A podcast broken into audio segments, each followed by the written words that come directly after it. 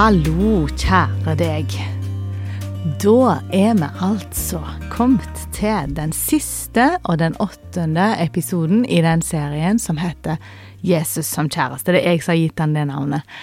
Eh, på American så eh, kaller hun Nancy DeMoss eh, sin serie for How to Fall and Stay in Love with Jesus. Jeg syns det var litt langt og tungt.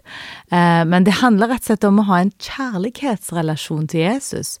Og det å kalle han for en kjæreste var det jeg syns på en måte fikk best fram at jeg hadde så lyst til å fortelle deg at det, det, går an å erfare flere sider med relasjonen vår med Jesus, at han har lyst å være nær og bety så mye for livet vårt. Eh, og nå har vi vært gjennom sju kapitler i Salomos høysang og hørt, eh, vi har lest alle versene, og hørt om eh, og sett en utvikling av et kjærlighetsforhold. Og nå er altså finalen, og jeg har så mye på hjertet, så jeg tror at vi skal bare begynne å lese versene. Altså Høysangen kapittel åtte, og der er det totalt 14 vers. Var du som en bror for meg, en som min mor hadde ammet, da ville jeg ha kysset deg, når vi møttes ute og ingen hadde foraktet meg. Så leide jeg deg til min mors hus, som hun som oppdro meg. Jeg skulle skjenket deg krydret vin og saft av granateplene mine. Hans venstre arm er under mitt hode, og med den høyre favner han meg. Jeg ber dere, Jerusalems døtre, hvorfor uroer dere kjærligheten, hvorfor vekker dere den før den selv vil? Så er det koret. Hvem er hun som stiger opp fra ørkenen, støttet til sin kjæreste? Så er det hun. Under epletreet vekket jeg deg, der din mor hadde rier der hun fødte deg. Sett meg som et seil på ditt hjerte et stempel på din arm, for kjærligheten er sterk som døden, lidenskapen er ubøyelig som dødsriket. Den brenner som flammende ild, en Herrens brann. Veldige vann slukker ikke kjærligheten, elver skyller den ikke bort. Om noen gir alt han eier for å kjøpe kjærlighet, møter han bare forakt koret. Vi har en liten søster som ennå ikke har fått bryster, hva skal vi gjøre med vår søster den dagen hun blir lovet bort? Er hun en mur, vil vi bygge tinder av sølv på den. Er hun en dør, vil vi sperre den med en sederplanke. Hun, jeg var en mur, brystene mine som tårn, men framfor hans øyne har jeg blitt lik en som finner fred. Salomo hadde en vinmark i Balhamon. Han ga vinmarken bort til forpakterne, hver skulle gi han tusen sølvpenger for frukten. Min vinmark er bare min, den rår jeg over selv. De tusen er dine, Salomo, to hundre er til dem som vokter frukten. Han, du jente som holder til i hagene, vennene lytter til din stemme La meg få høre den. Hun, fly, min kjæreste, vær som en gasell, som en ung hjort, over fjell med duftende urter. Og her er det altså rike slikt ved fine bilder og fine ord, sånn som det har vært hele veien i denne boka. Eh, og jeg syns det er så fantastisk, eh, den avslutningen som er her òg. Og det er gjerne litt merkelig, de første versene, når hun sier 'var du som en bror for meg', en som min mor hadde ammet, da ville de jeg ha kysset deg. For oss er liksom det merkelig, men så kommer litt forklaringen, når vi møttes ute hadde ingen foraktet meg. For sånn som jeg har fått det forklart, da, i den kulturen så var det ikke lov å vise kjærlighet offentlig eh, til sin mann eller til sin kjæreste, det kunne du kun gjøre mot din bror. Og derfor sier hun de tingene. Kun de som var på en måte i familien din, var det på en måte akseptert. Så dette, akkurat det verset er akkurat et uttrykk der hun sier å, jeg har lyst til å fortelle det offentlig. Om vår kjærlighet og hvor høyt jeg elsker deg. Jeg har lyst til å vise til alle at jeg elsker deg. Jeg har lyst til å kysse deg så alle ser det. Det er egentlig det hun sier. Og hvis jeg skal tenke i overført betydning for eh, en kristen, eh, så er det som at ja, Jesus, jeg har, jeg har lyst til å fortelle til alle om hva du betyr for meg. Jeg har ikke lyst til å holde det skjult, liksom. Ja, og jeg leide deg til min mors hus. Jeg har lyst til å dele det. Eh, jeg har lyst til at du skal være med meg hjem i min hverdag, og at du skal ta del i det som skjer, og jeg har lyst til å gi det beste jeg har til deg. Det er på en måte det vers to er. Og så i vers tre så kommer de samme versene, som eller vi har lest det flere ganger før. Hans venstre arm er under mitt hode, med den høyre favner han meg. Det er en, en veldig god omfavnelse.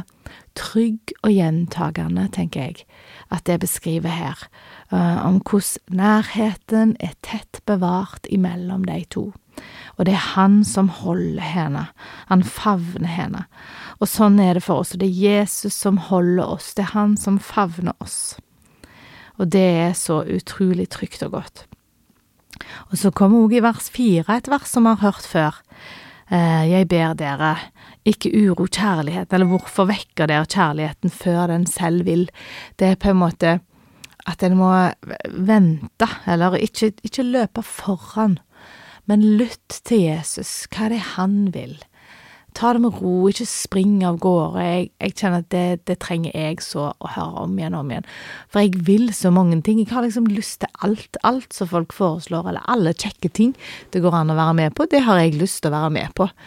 Det er liksom ingen grenser for uh, hva som kan høres kjekt ut å ta del i. Og da er det liksom Ja, det er litt godt at uh, at ikke jeg trenger, eller at jeg kan bli minnet om det, at jeg ikke skal springe foran men at jeg skal ta det med ro. Derfor gå i det tempoet som Jesus vil, og at jeg må lytte til han, og ikke vekke kjærligheten før han sjøl vil. Og så, i vers fem, der er det så fint, syns jeg. Da er det på en måte det står koret, eller det har blitt omtalt som Jerusalems døtre, eller ja, da er det iallfall de som spør hvem er hun som stiger opp fra ørkenen, støtta til sin kjæreste. Uh, og jeg tenker det Det syns jeg er et så flott bilde. Hvem er Hvem er du? Hva slags ørken kommer du ifra? Kanskje kommer du ifra en ørken der Ja, der det det kan være ørken på mange måter. Der er kanskje ingen kristne rundt deg, eller kanskje ekteskapet ditt er en ørken, eller kanskje arbeidsplassen din er en ørken. Um, eller kanskje det kan være livet inni deg som kan føles ut som en ørken. Um, jeg tror mange ganger så kan livet være sånn, som en ørken. Men her er det altså ei dame som stiger opp fra ørkenen, ikke alene, men støtta til sin kjæreste. Og det er ikke sånn, her kommer hun helt sjøl, og hun har klart seg sjøl, og helt uavhengig. Nei, hun er faktisk støtta til sin kjæreste. Og det er, syns jeg er bare så nydelig. Jeg skal ikke klare ting sjøl. Jeg trenger ikke å være best og fikse alt på egen hånd. Jeg kan få lov å støtte meg til Jesus. Jeg kan få lov å si, Jesus, jeg trenger deg, jeg. Jeg klarer ikke dette livet sjøl. Jeg klarer ikke å komme oppreist ifra den ørkenen sjøl. Jeg trenger deg. Jeg må få støtte meg til deg. Jeg skal gå sjøl, men jeg må få støtte meg til deg, Jesus, for å klare det. Vi trenger Jesus. Vi trenger Jesus mer enn vi aner, faktisk for å puste hver dag. Jeg tror ikke at vi, og det er noe vi gjør automatisk, sant, kroppen vår er bare bygd sånn, men hvis det ikke var for han, så hadde vi ikke hatt pust. Han holder liv i oss hver eneste dag, og jeg kjenner at jeg trenger hans hjelp hver dag. Hver eneste dag til å stå i hverdagen min og til å tåle livet mitt til å gidde å stå opp hver morgen. Jeg trenger å støtte meg til Jesus. Um, ja, og det håper jeg at du kjenner òg. Så står det at hun uh, Det står noen kjente vers. Kanskje noen av de mest kjente versene. De blir ofte lest i brylluper eller brukt i, i mange sammenhenger. Sett meg som et seil på ditt hjerte, et stempel på din arm. Og så høres det fint ut. Og så kan vi jo tenke, ok, et seil på ditt hjerte og et stempel på din arm. Det høres ut som om det er noen som merker deg og sier liksom, du hører til her. Eh, eller jeg tenker på en sånn konge som setter sitt stempel på et brev, eller ja, men et seil på ditt hjerte. Hvis noen skal forsegle hjertet ditt, uh, og sette et stempel på armen din for å si at du hører til her. Uh, jeg nevnte det litt i forrige episode, at det er det som mange ganger kan virke ut som rammer, eh, disiplin, det som kan virke ut som regler, det kan være der det ligger en frihet. Fordi at det å ha dette stempelet på seg, det å ha kongen sitt stempel, det gir deg friheten til hva som helst i dette riket faktisk. Det, det er først når du har fått det stempelet, at du virkelig har fått den statusen som du skulle ha, og at det er en status som gir deg en enorme frihet. Sett meg som et seil på ditt hjerte, som et stempel på din arm. Jeg tenker vi bruker ofte tatoveringer på armen vår. Det kan være som et stempel på din arm. Det er mange som tatoverer navnet på ungene sine, eller, eller liksom det er en veldig sånn en handling som du gjør for alltid. Du tenker at det er forever når du tar og tatoverer et navn på armen din og skriver 'Jeg elsker' eller inni et hjerte. Sett meg som et seil på ditt hjerte, som et stempel på din arm. Det er sånn Jesus, jeg vil eh, ha ditt eh, stempel og ditt seil på mitt hjerte. Det ønsker jeg. Og så står det For kjærligheten er sterk som døden. Og så kan jeg tenke Det hørtes jo dramatisk ut. Men hvor sterk er døden? Døden er ganske sterke. Døden er faktisk så sterk at det er ingen av oss som overlever den. Døden, den vinner over alle mennesker. Til slutt, eller før eller seinere, så vinner døden over meg og deg. Men eh, Jesus, han har vunnet over døden. Og Jesus sin kjærlighet har vunnet over døden.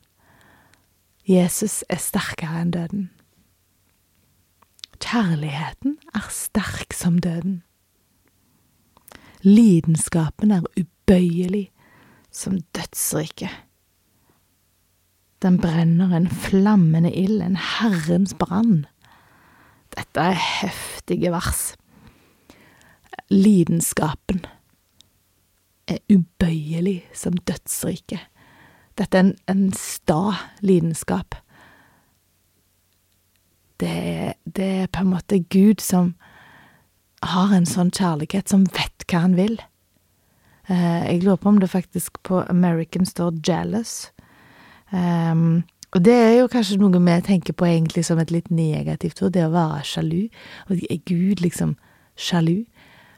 Eh, han er djerve, liksom, i sin kjærlighet når det gjelder å beskytte meg og deg.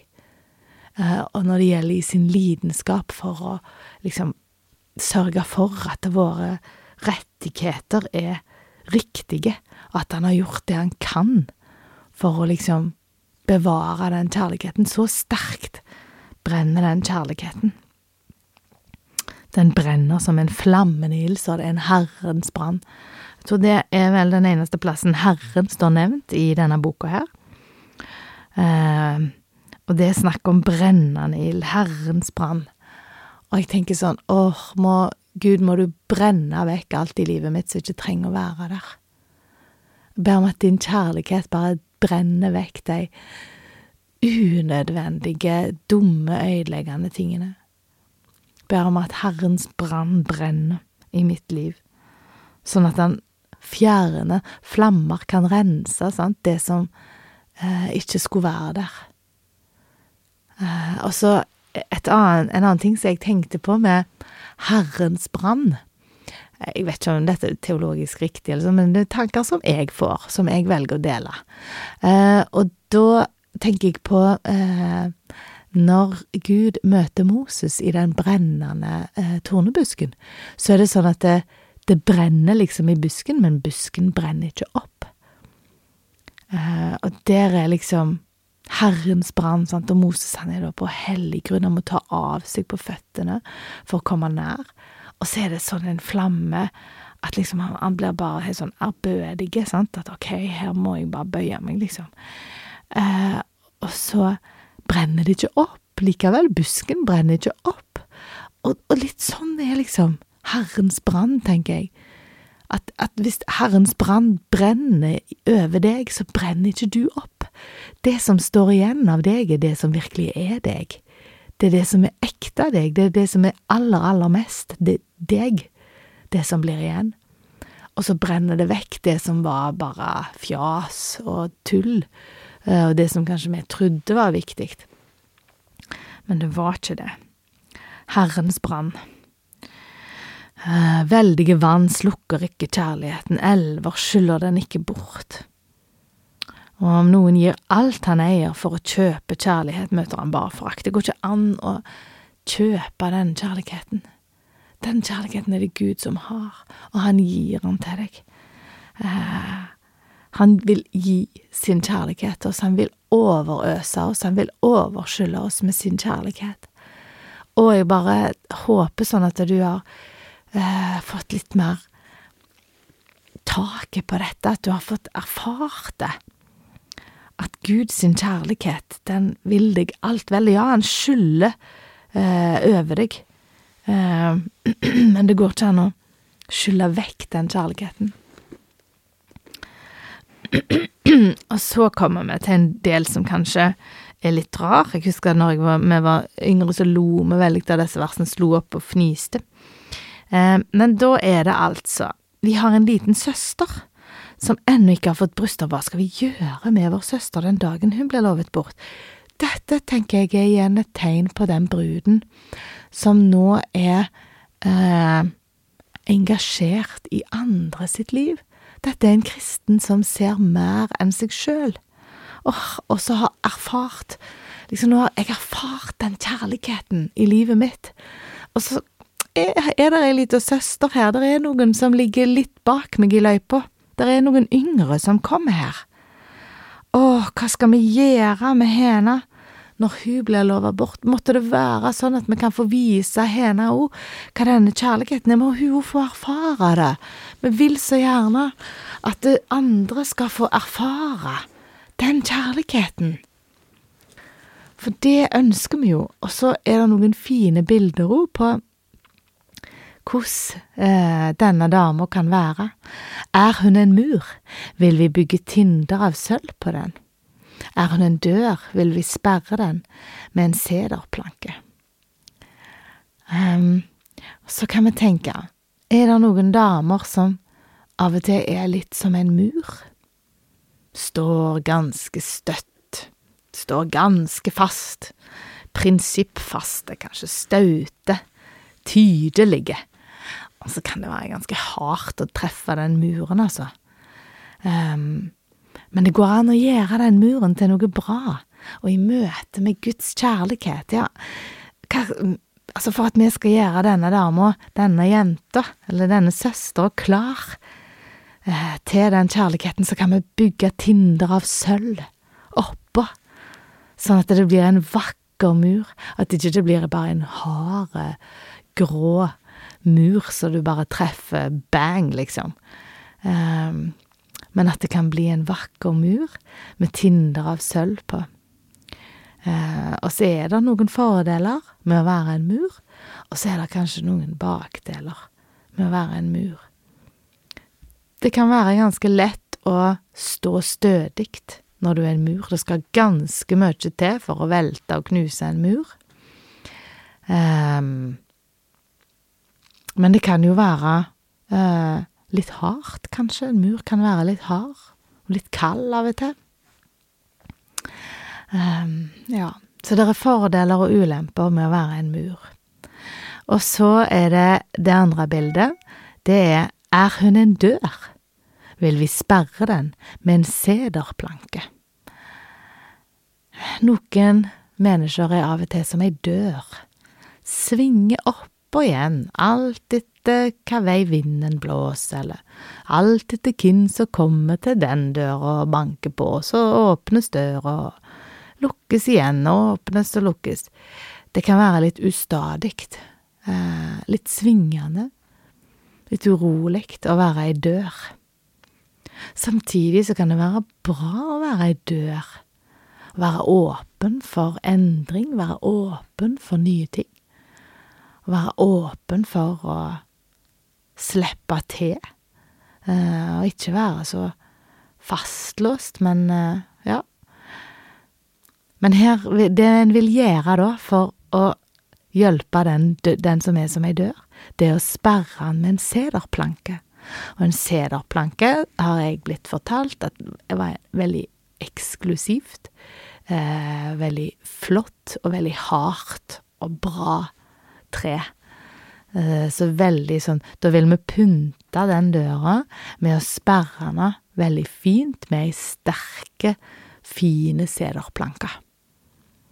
Og det er jo en bra ting, fordi at ei dør eh, som er sperra med en planke, er ikke umulig å åpne.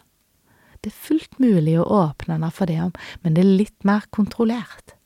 Det, litt, det krever litt eh, planlegging og litt arbeid. Det er ikke sånn at du svinger opp og igjen hele tida.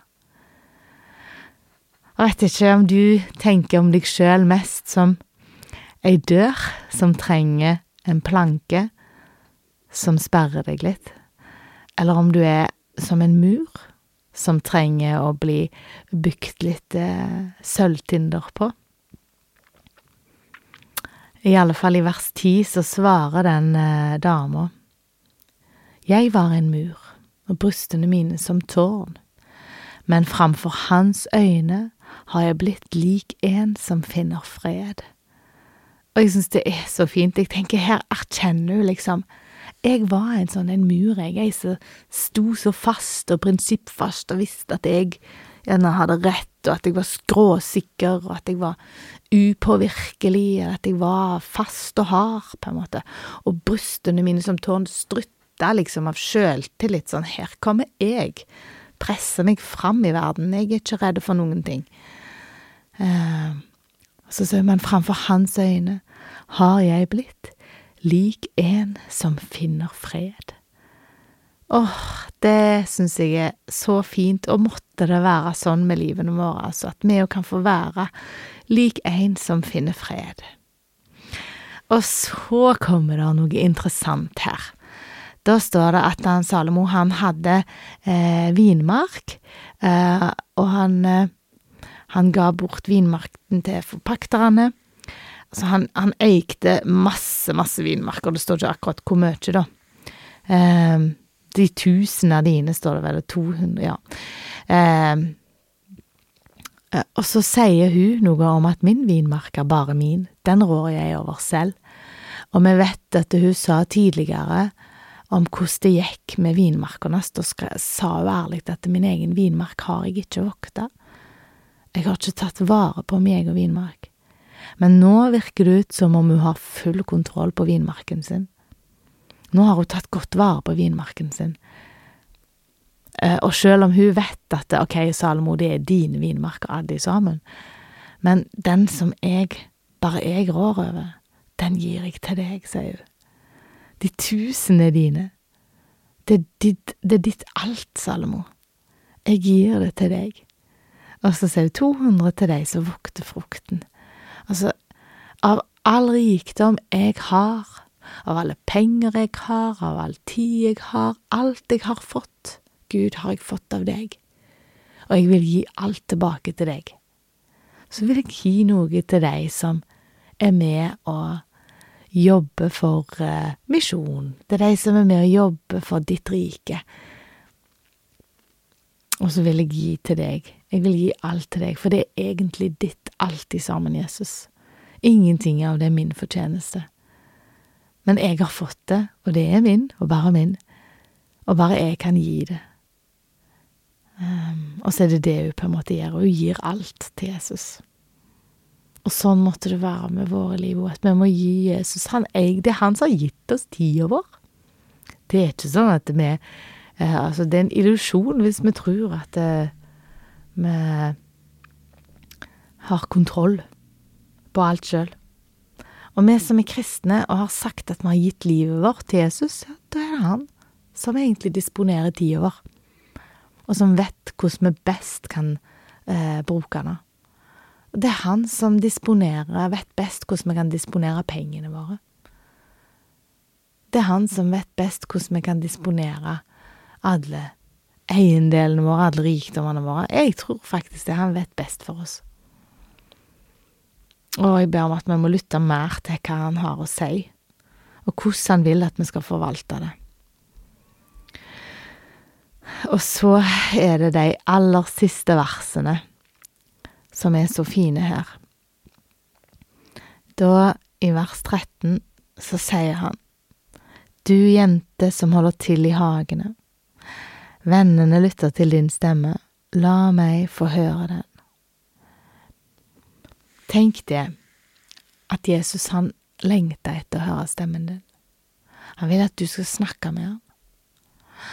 Og så kan du egentlig tenke deg at hvis, ja, hvis du ser for deg at det, du var gift med en mann, men du snakket aldri med han, du snakket mye mer med mange andre menn. Du snakket mye mer med alle andre, liksom, enn akkurat han. Og hvis Jesus skal være den aller, aller nærmeste, så bør han jo være en som vi snakker ganske ofte med. En som vi kan betru oss til. En som vil lytte. Og en som alltid tar imot oss. Det er han. Og må vi være frimodige og la han få høre stemmen vår sånn som han vil. Og sånn som han sier, at han, han gleder seg over å høre stemmen hennes. Og vennene lytter til din stemme, sier han til deg. Det er ikke likegyldig hva du sier. Det er ikke likegyldig om, om vi tør å snakke om Jesus eller ikke. Mm, jeg lurer på om det er i Gamle testamentet, i Malaki eller noe, det står at det, eh, den som frykter Gud, snakker mye om han. Eh, og det hjertet er fullt av, det renner munnen over. Og måtte det være sånn at hjertene våre er fullt av kjærlighet for Jesus, sånn at vi våger å snakke om han. Jeg vet ikke om du har prøvd det, men bare det å si navnet til Jesus, for eksempel på jobben, eller overfor en kollega, eller overfor noen i familien din der du vanligvis ikke snakker om Jesus, det, det, det gjør noe med, med settingen og med stemningen. Og jeg har lyst til å utfordre deg på det, og gjøre det. Bare Ja, Prøv å nevne han. Sette ord på han. Navnet hans. Hvem han er for deg. Og om ikke du er klar for å si det til noen, så prøv å beskrive det for din egen del. Det kan være godt. Jeg tror Jesus elsker å få høre stemmen vår. Det er det han sier her. La meg få høre den. Han vil så gjerne at vi skal be til han, vi skal snakke med han. Og det kan vi gjøre bare med å sende han tanker. Han hører tankene våre. Det er ganske fantastisk. Og så er det det aller siste verset. Det er det hun som sier, hun sier fly, min kjæreste, vær som en gasell, som en ung hjort, over fjell med duftende urter. Og det er jo på en måte litt rart. Det er ikke sånn som Askepott, at de rir inn i solnedgangen sammen, liksom hånd i hånd på hver sin gasell eller hjort. Um, men hun sier fly, min kjæreste. Det ligger en slags anerkjennelse i at jeg vet at du, Jesus, hører til i en annen verden. Så vi kan ikke være sammen på den måten nå. Vær som en gasell, som en ung hjort over fjellet med duftende urter. Jesus, jeg vet at du um, er seierherren, og at du flyr over fjellene. Og med duftende urter. Med den himmelske duften. Og jeg vet, Jesus, at vi skal få være i lag i evigheten der, i himmelen. Og det lengter jeg etter, det ser jeg fram til. Så vet jeg at da er jeg her i hagen i mellomtida imens. Og jeg ønsker å snakke med deg sånn at du får høre min stemme, og så eh, kan vi lengte etter hverandre ifra hver sine plasser. Jesus i himmelen og jeg i hagen. Jeg syns det ja, var en veldig fin avslutning, liksom, at Ja, som forklarer veldig godt at Jesus, han er jo i himmelen. Han er ikke her fysisk i lag med oss, samtidig som han er det gjennom Den hellige ånd, så kan han tale inn i hjertene våre, inn i livene våre. Ja, det var det. Jeg håper at uh, at du har um, hørt og sett og erfart at Jesus er levende og virksom, at han er nær, og at han vil lære oss mer om hvem han er, og hvordan vår relasjon til han kan være. Og jeg lengter sjøl etter å få vokse enda mer i det forholdet, og få leve enda mer overgitt til han, og enda mer i hans kjærlighet. Og jeg har lyst til å be litt nå, for meg og for deg. Gode himmelske Far, takk. Takk for høysangen, takk for alle de åtte vakre kapitlene med poetiske beskrivelser av kjærlighet, eh, og med gode bilder til hvem du er, og hvordan din kjærlighet er. Og Herre, jeg bare ber om at eh, din kjærlighet må bli mer levende for meg og for de som lytter på. Ber om at vi må få oppdage og erfare enda mer av din kjærlighet. Takker deg for at du hører stemmen vår. Du hører stemmen min, og at du liker det. At du vil at vi skal snakke med deg, Jesus og at du ikke trenger lange bønner og fine ord, men at du er glad for alle henvendelser, og at du tåler anklagene våre og de dårlige dagene og alle spørsmålene våre, du rommer alt. Din kjærlighet til oss endrer seg ikke. Det er ingenting vi kan gjøre som får deg til å elske oss mindre eller mer. Din kjærlighet er helt uforanderlig. Å, det bare takker jeg deg for, Herre. Jeg priser deg for det, og løfter opp navnet ditt, for at det, din kjærlighet er så out of this world, og så mye mer enn det jeg klarer å fatte. Men takk for at uh, du har gitt oss denne boka, at vi glimtvis kan forstå det. Og Herre, så ber jeg om at du må møte hver og en av oss som hører nå.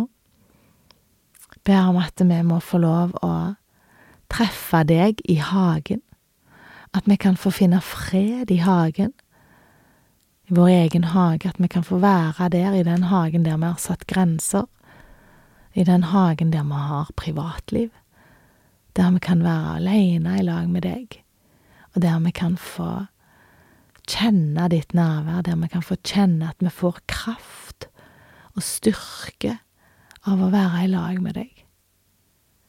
Og der vi kan få kjenne at eh, vi kan få lov å bare være alene og hvile oss og hente styrke, og der vi kan få kjenne at vi arbeider, at vi av og til må jobbe med hardt arbeid og ugras og mye tungt arbeid, og andre ganger at det kan være lett, og at det bare er å vatne litt. Herre, jeg ber om at vi kan få erfare at det, det er frukter i hagen vår. Ber om at fruktene må vokse rikeslikt i livet til alle de som lytter på nå, Herre, og ber om at du må vise oss og lede oss i vatning og gjødsling og logging og alt som hagearbeid innebærer. Og takk for at du har gitt oss et løfte om at vi skal få lov å være i lag i himmelen. Takk for at vi da skal få bli forent med deg på en mye mer fysiske måte enn det vi er nå. For nå må vi være atskilt. Men du er i lag med oss i ånden. Og det takker vi deg for og priser deg for. Og takk for alle løftene du har gitt i ditt ord om at det der er en himmel i vente Og jeg ber om at du må hjelpe oss, og at frukten må vokse. Vi vet at det er du som gir liv til frukten, det er ingenting vi presterer sjøl. Det er bare du som kan gi veksten. Det vet vi, og vi ber om at vi får se den veksten i hagene våre hver dag fram til vi blir forent med deg i evigheten. Takk for at du har kontroll over livene våre, og hagene våre. Og takk for at vi bare kan få lov å gi oss sjøl hen til deg nå, Jesus. Og det gjør vi. Vi gir oss sjøl til deg, med livene våre og alt det er. Takk for at du tar imot oss. I Jesu navn. Herren velsigne deg og bevare deg. Herren lar sitt ansikt lyse over deg og være deg nådig. Herren løfter sitt åsyn på deg og gir deg fred. Amen.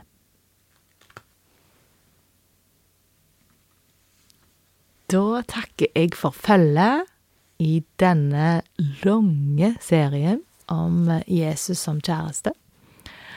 Og så kommer det til å komme masse gjester fram igjennom. Så da håper jeg at du har lyst å høre på det òg. Og så del det gjerne videre, og tips en venn eller de du tenker kan ha utbytte og glede av å høre på dette. Ha det bra!